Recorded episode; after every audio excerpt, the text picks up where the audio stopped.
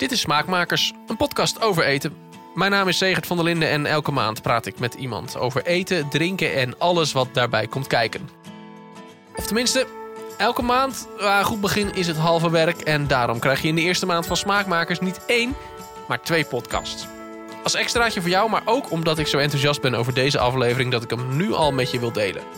In deze extra aflevering is Bas Robben te gast. Best kans dat je hem de laatste tijd al vaker voorbij hebt zien komen. Hij is namelijk all over the place met zijn nieuwe kookboek Vet. En terecht wat mij betreft, want het boek doet zijn naam eer aan. Tussen al die media-optredens door kon Bas gelukkig nog even tijd vrijmaken voor een gesprek in Smaakmakers. Over Koreaanse lekkernijen, recepten schrijven en natuurlijk vet.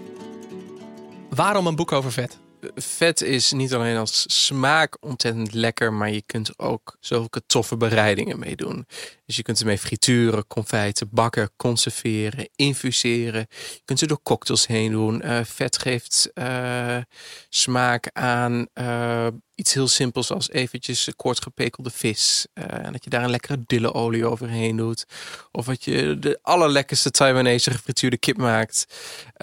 met zoete aardappelzetmeel als buitenkantje. En dat er allemaal verschillende textuurtjes aan de buitenkant kleven. Dat is wat het tot zo'n ultiem ingrediënt maakt. En we gebruiken in Nederland veel boter en veel olijfolie en vloeibare margarine. En nog erger, smeerbare margarine en halfarine. Dat is wel een soort van uh, horror.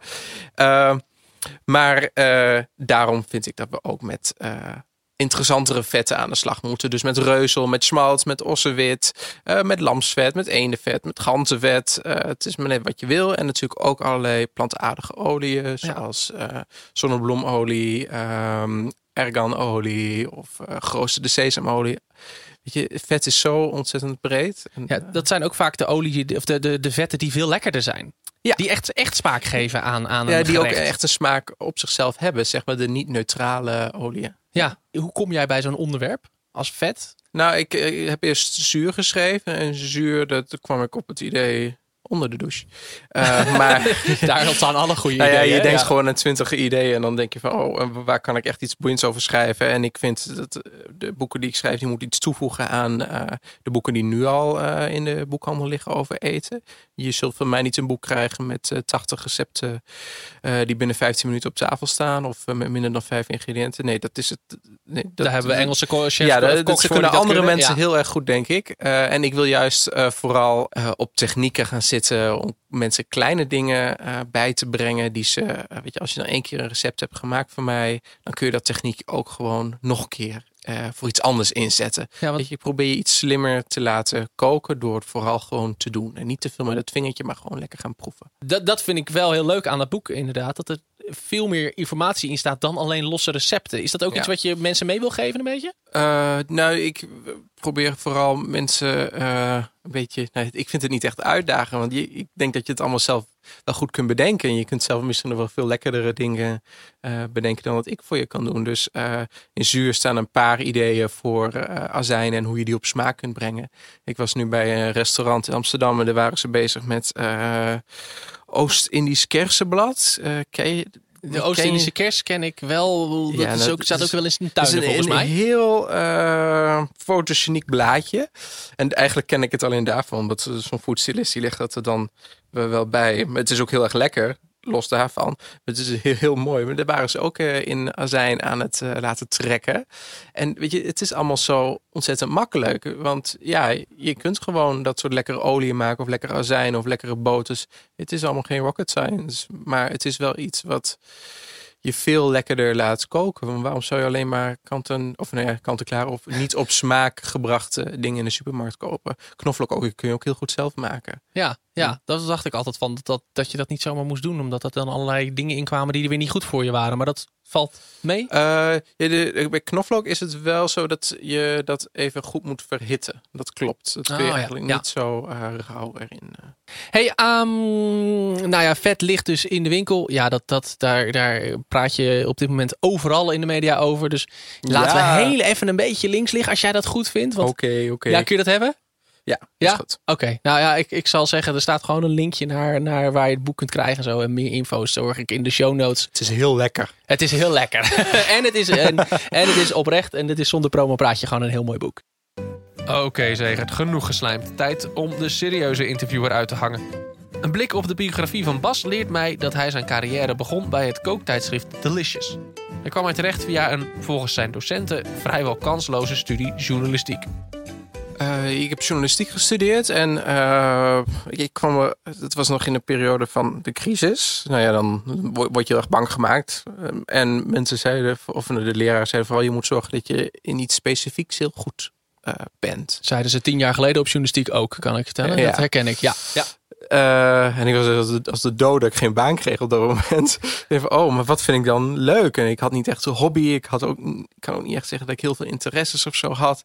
Van, oh, maar wat, wat, wat moet het dan zijn? Maar ja, ik was op mezelf gaan wonen en uh, of gewoon uit huis gegaan. Dat klinkt heel, heel was, maar ik ging gewoon uit huis. Dus ik moest voor mezelf ja. uh, koken. En, en ik had dus niet echt een hobby waar ik andere tijd aan besteden.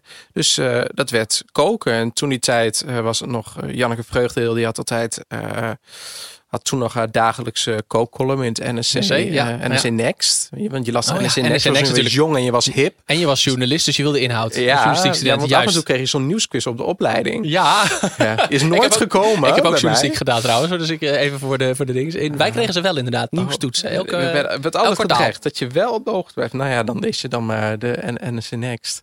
Uh, en zij had op donderdag ook altijd kookvideo's uh, toen online staan. En dat, dat zij kon heel goed vertellen. Het is heel jammer dat zij nooit iets op uh, televisie echt heeft gekregen, volgens mij.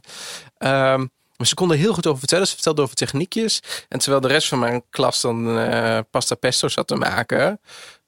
Waar vast ook, wat vast ook wel heel erg lekker is.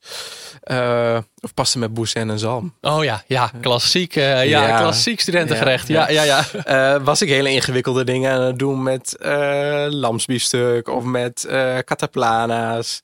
Het waren hele vreemde dingen. Ik vond het ook altijd wel, dacht van, ach ja, dat kan ik ook eigenlijk wel gewoon. Ik had een heel klein keukentje hoor. Ik woonde wel op mezelf. Dus je, dat, wel, dat je, je zeggen, je hebt geen, studie, geen nee. huisgenoten die dan nee, dachten, nee, wat ben jij nou weer aan het doen, Bas? Maar het was echt volgens mij, nou ja, het is zo'n blok. Dus ik denk 2,40 meter breed of zo, waar dan alles op gebeurde. En zo'n combi-magnetronnetje erbovenop. Ja, ja. Waar ik dan heel blij mee was. Uh, en zo is het, uh, ben ik leren koken. En uh, toen, dat vond ik heel erg leuk. En toen dacht ik van, oh, maar mag ik dan ook schrijven voor de krant van hogeschool? Want die hadden een journalistiek onafhankelijke krant. Dus het was niet echt vanuit de opleiding, maar vanuit de hele school. Nou, dat mocht wel. En dat heb ik uh, vier jaar gedaan.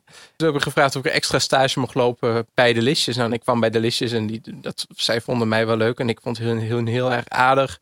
Dus dat klikte wel goed. En toen heb ik daar stage gelopen, uh, drie maanden in de zomer. Uh, en daarna uh, mocht ik blijven werken. Niet meer weggegaan? Nee. Wat heb je daar geleerd? Veel waarschijnlijk, maar een paar nee, dingen. Ik heb eigenlijk wel alles geleerd over eten, denk ik. Um, dus dat is maar wat je terugziet in mijn boek. Um, dus je leert ook schrijven over eten. Dat is, het klinkt zo ingewikkeld, maar je moet gewoon flink arsenaal hebben aan uh, bijvoeglijke naamwoorden. Dan kom je al heel eind.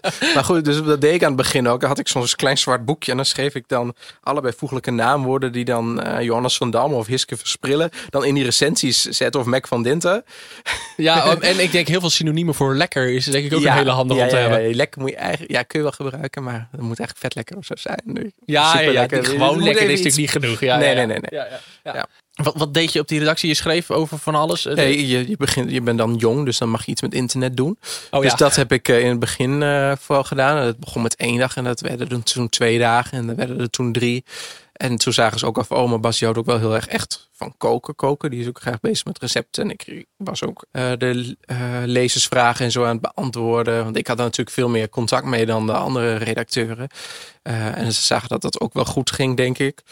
En uh, toen mocht ik mijn eerste producties, zo heet het dan. Dat is dan uh, bijvoorbeeld een combinatie van zes recepten. En dat is dan een bepaalde sfeer. Uh, dan mag je dan gaan testkoken. Dan moet je de recepten bewerken. Dan wow. moet je daar leuke teksten bij schrijven. Dan moet er een leuke intro bij. Er moeten streamers bij over hoe het gerecht smaakt.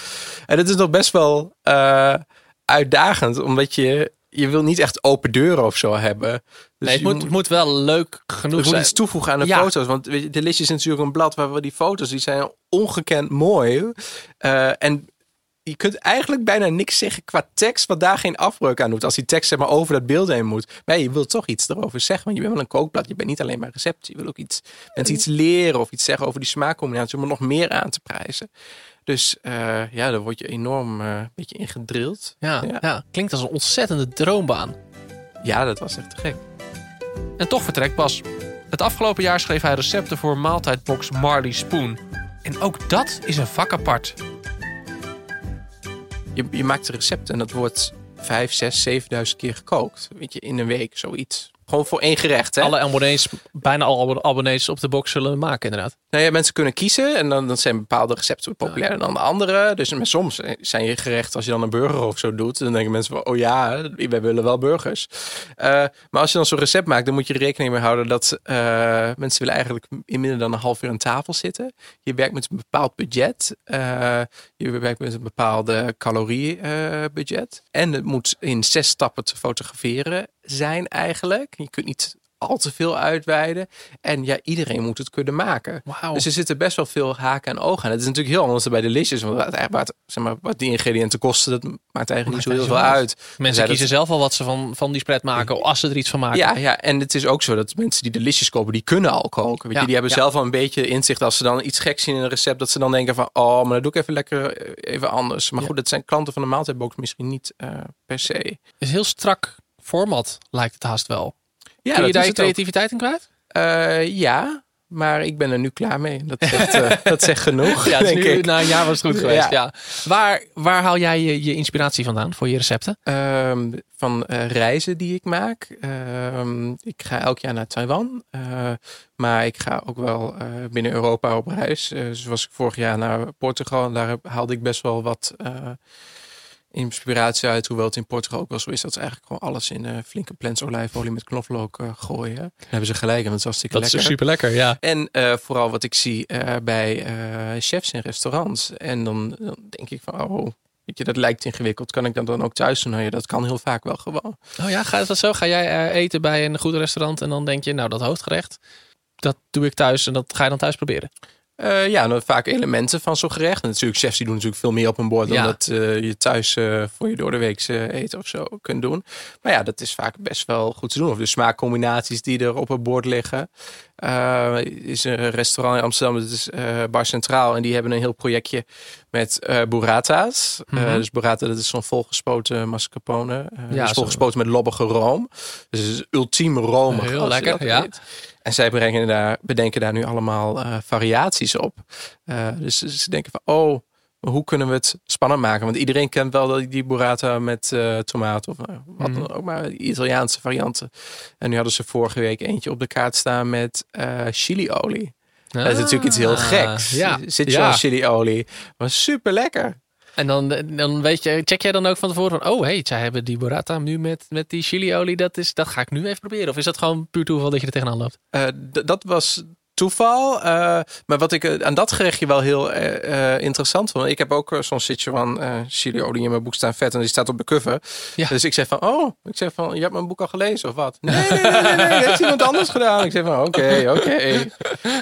Is goed. Vooruit. Ik zeg van, maar wat zij eraan deden, ze hadden zwarte rijst te zijn aan de olie toegevoegd. Dus dat is eigenlijk meer een soort vinaigrette, leek het ja. wel. Ja. Maar de, dat zure, dat had je dus heel erg nodig om die twee smaken. Want heb je twee vette smaken heel veel, elkaar. heel veel. Dus dat zuur, dat heb je echt nodig om met elkaar te verbinden. Ja, dat was echt te gek lekker. Van rijst zijn is het dan maar een kleine stap naar Azië. Of beter gezegd, Zuidoost-Azië. Nog beter, Korea en Taiwan. Want als je de boeken van Bas leest, valt direct op dat de keukens van deze landen een grote inspiratiebron vormen. Taiwan en dan met name Taipei is een uh, stad uh, waar gewoon heel veel mensen wonen. Die mensen hebben geen keukens, die hebben geen koelkast. Of tenminste jonge mensen die aan het werken zijn. Die hebben een heel klein keuken, net zoals ik toen ik in Zwolle op uh, kamers woonde.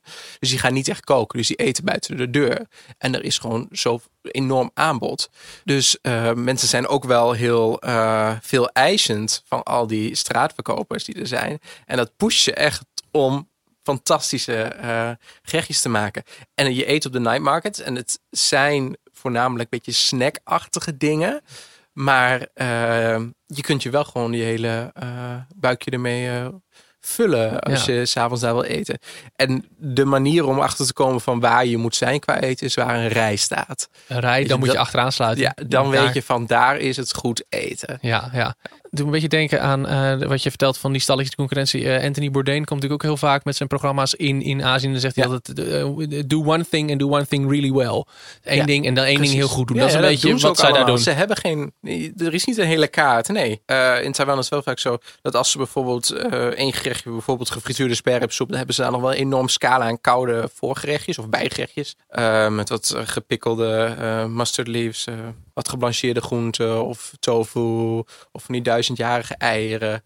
Dat soort dingen hebben ze wel allemaal ernaast. Maar het is inderdaad, ze doen één ding gewoon heel erg goed. Ja, gaaf. En, eh, daar staan ze dan ook onbekend. Ja. Ja. Als jij in Taiwan komt, je bent er, zagen we op Instagram allemaal, konden we wat zien. Je bent er nog niet zo heel lang geleden geweest. Ja. Wat, je komt aan, je komt aan in Taipei. Ja. Wat ga je eten? Ik kom eerst aan op het vliegveld en dan ga ik, ze hebben overal van die kleine supermarkten, en dan haal ik eerst een hele grote fles met Yakult, want dat hebben ze daar in eh, halve liter verpakkingen. Dat vind ik zo lekker. Oh, echt waar? Ja. Ja. En wat ze ook bij die supermarkt hebben, een soort van combinatie van eh, Jan Likmevetje, maar goed, eh, gemarmerde thee-eitjes. En wat je, ik maak dus ook thuis zelf en dan direct gewoon een pannetje vol. Het is een soort van healthy snack of zo. Ja. En wat je doet is je kookt eieren tot ze net bijna gaar zijn. Dat je ze wel even kunt, eh, bijna kunt pellen. Eh, die haal je eruit en dan rol je ze over je werkblad heen. En daardoor barst je die buitenkant.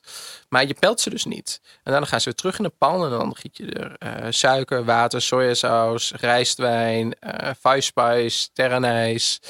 Alles eh, wat het overheen. lekker En dan laat je het gewoon uur, een paar uurtjes eh, op laag, eh, heel laag vuur sudderen. En zo staat het ook in die supermarktjes daar. Staat daar gewoon de hele dag nog in die, in die Ja. mix en dat Ja. heerlijke lekkere. En dan kun je die daar het gewoon halen. ruikt heel erg lekker. Je kunt je iets bij voorstellen van sojasaus. Maar dit five spice natuurlijk een beetje speculatie. Ja, ja, het ja, heerlijk. En dan ben je daar, nou je bent er dan lekker een, een flinke poos. Je, je, Ja. je, eet je, je eet je goed vol. Ja. Ehm, Drie neem je... kilo. oh ja? Drie kilo was het. Ja, Ja, nou ja, goed. Dat, eh, dat, eh, moet kunnen. Nou, vind ik ook hoor. Goed eten hoort bij een vakantie. En laten we eerlijk zijn, als je hoort wat je allemaal voor heerlijks kunt krijgen daar in Taipei, dan snap ik dat best. En er is een eh, keten van ehm eh, restaurants. Het heet Din Tai Fung. Ken je dat? Zeg mij Nee. niks. Nee, het is een ehm, dumpling eh, restaurant. Een Taiwanese keten. Maar die zit ook in Amerika. En ook in Dubai bijvoorbeeld. Eh, en waar zij bekend om staan, dat zijn hun xiaolongbao's. Dat zijn xiaolongbao betekent volgens mij kleine soep eh, dumpling. Xiao betekent klein en bao betekent dumpling. Dus ik denk, ja. Zoiets zal zijn, ja. Eh, en wat daar zo bijzonder aan is, is dat eh, het is een dumplingetje. En er zit een soort van varkens eh, mengsel in met een beetje gember en lenteui. Eh, maar wat er ook in zit, is een beetje soep. Dus er zit soep in een dumpling. Dus als je hem eet, dan doe je hem op zo'n Chinees lepeltje. En dan prik je hem in en dan stroomt die soep eruit. En dan slurp je eerst die soep op en daarna gaat de rest van de dumpling er, erachteraan. En hoe ze dat doen, is door een soort van ehm, ja, bouillon eh, heel gelatineus maken. Dus dat het vast is. Oh ja. ja en terwijl ja. ze het stomen, los je gelatine weer op en dan blijft het wel erin zitten. Maar er zijn zulke vaklui. Ze hebben altijd eh, ramen. Je kunt zien hoe ze het maken. Ze hebben altijd precies het, de- dezelfde hoeveelheid eh, foutjes in een dumpling. En het is gewoon te gek. En het smaakt ook altijd hetzelfde. Altijd fantastisch. Het is altijd goed. Ja. Het is altijd goed. En in sommige landen hebben ze ook een Michelinster gekregen. Oh, echt? Ja. Oh, wauw. Ja. Gaaf. Je hebt nu vet gemaakt, hè, de, de boek. Je hebt even geen Marley Spoonbaan meer. Wat Nee. is nu voor jou de volgende stap? Wat, wat gaat de toekomst voor jou brengen? Ik ben nog enorm aan het nadenken over wat dat dan moet zijn. Ja, ik, ik ben het liefste bezig met eten. Dus eh, ja, zoiets zal het vast worden. Maar schrijven vind ik ook te gek. Dus ja, het zal altijd een combinatie van eh, zoiets zijn, denk ik. We gaan nog wel wat, eh, binnenkort nog wel wat horen horen van Dat je, denk ik wel, ja. Heel goed. Bas, dankjewel. Graag gedaan. Nou, had ik te veel gezegd? Nee toch? Ik vond het een heel leuk gesprek. Wil je nog zo'n jaloersmakend voorbeeld van lekker Taipees eten horen? Blijf dan vooral tot het einde luisteren. Bas vertelde in Open Huis, het Radio 5-programma waar ik voor werk... een fantastisch verhaal over allerlei gefrituurde lekkernijen. Dat hoor je zo meteen na de dienstmededelingen. Wil je meer weten over Bas, zijn boek bestellen... of vast wat recepten lezen? Check dan zijn site. Dat is basrobben.nl. Voor zijn vaak jaloersmakende foto's van allerlei lekkers... volg je Bas op Instagram via @basrobben. En natuurlijk zit hij ook op Facebook en Twitter. Voor meer informatie over smaakmakers... check je smaakmakerspodcast.com en facebook.com slash smaakmakerspodcast. De volgende podcast die komt over twee weken online... en dan gaat het over bier. Ik ben op bezoek geweest bij Brouwerij Het Ei... om te kijken waar mijn lievelingsbiertje vandaan komt. Tot die tijd, check Smaakmakers in je podcast-app. En als je dat wilt, geef de podcast een rating of een review. De onnavolgbare algoritmes van de podcastbazen kunnen er dan voor zorgen dat andere mensen de podcast ook weer vinden. Tot zover de dienstmededelingen. Hier is het beloofde verhaal. Tot volgende maand. Ik werd gegrepen door, eh, ze heten QQ-balletjes. Dat zijn eh, balletjes van eh, samengeperst zoete aardappeldeeg of meel, denk ik. Ik heb het bekeken, maar vond het fascinerend. En dat ging in een soort van eh bekkenachtige frituur. Dus eigenlijk gewoon een soort van wok. Ja. Maar daarboven hing nog een wok. Eh, en ze frituurden die balletjes. En eh, dan ging die tweede wok met gaatjes erin, die ging erop. En iedere keer als ze dan... Dan persten ze het vet eruit, uit die balletjes. En dan ging het weer omhoog. En dan zwollen die balletjes weer verder op met vet. En zo bleven ze groeien. En dat was verrukkelijk. Het waren zo'n Ja. hele kleine beignets. En daar kon je dan zelf allerlei eh, poedertjes overheen gooien. Van chocolade of chili.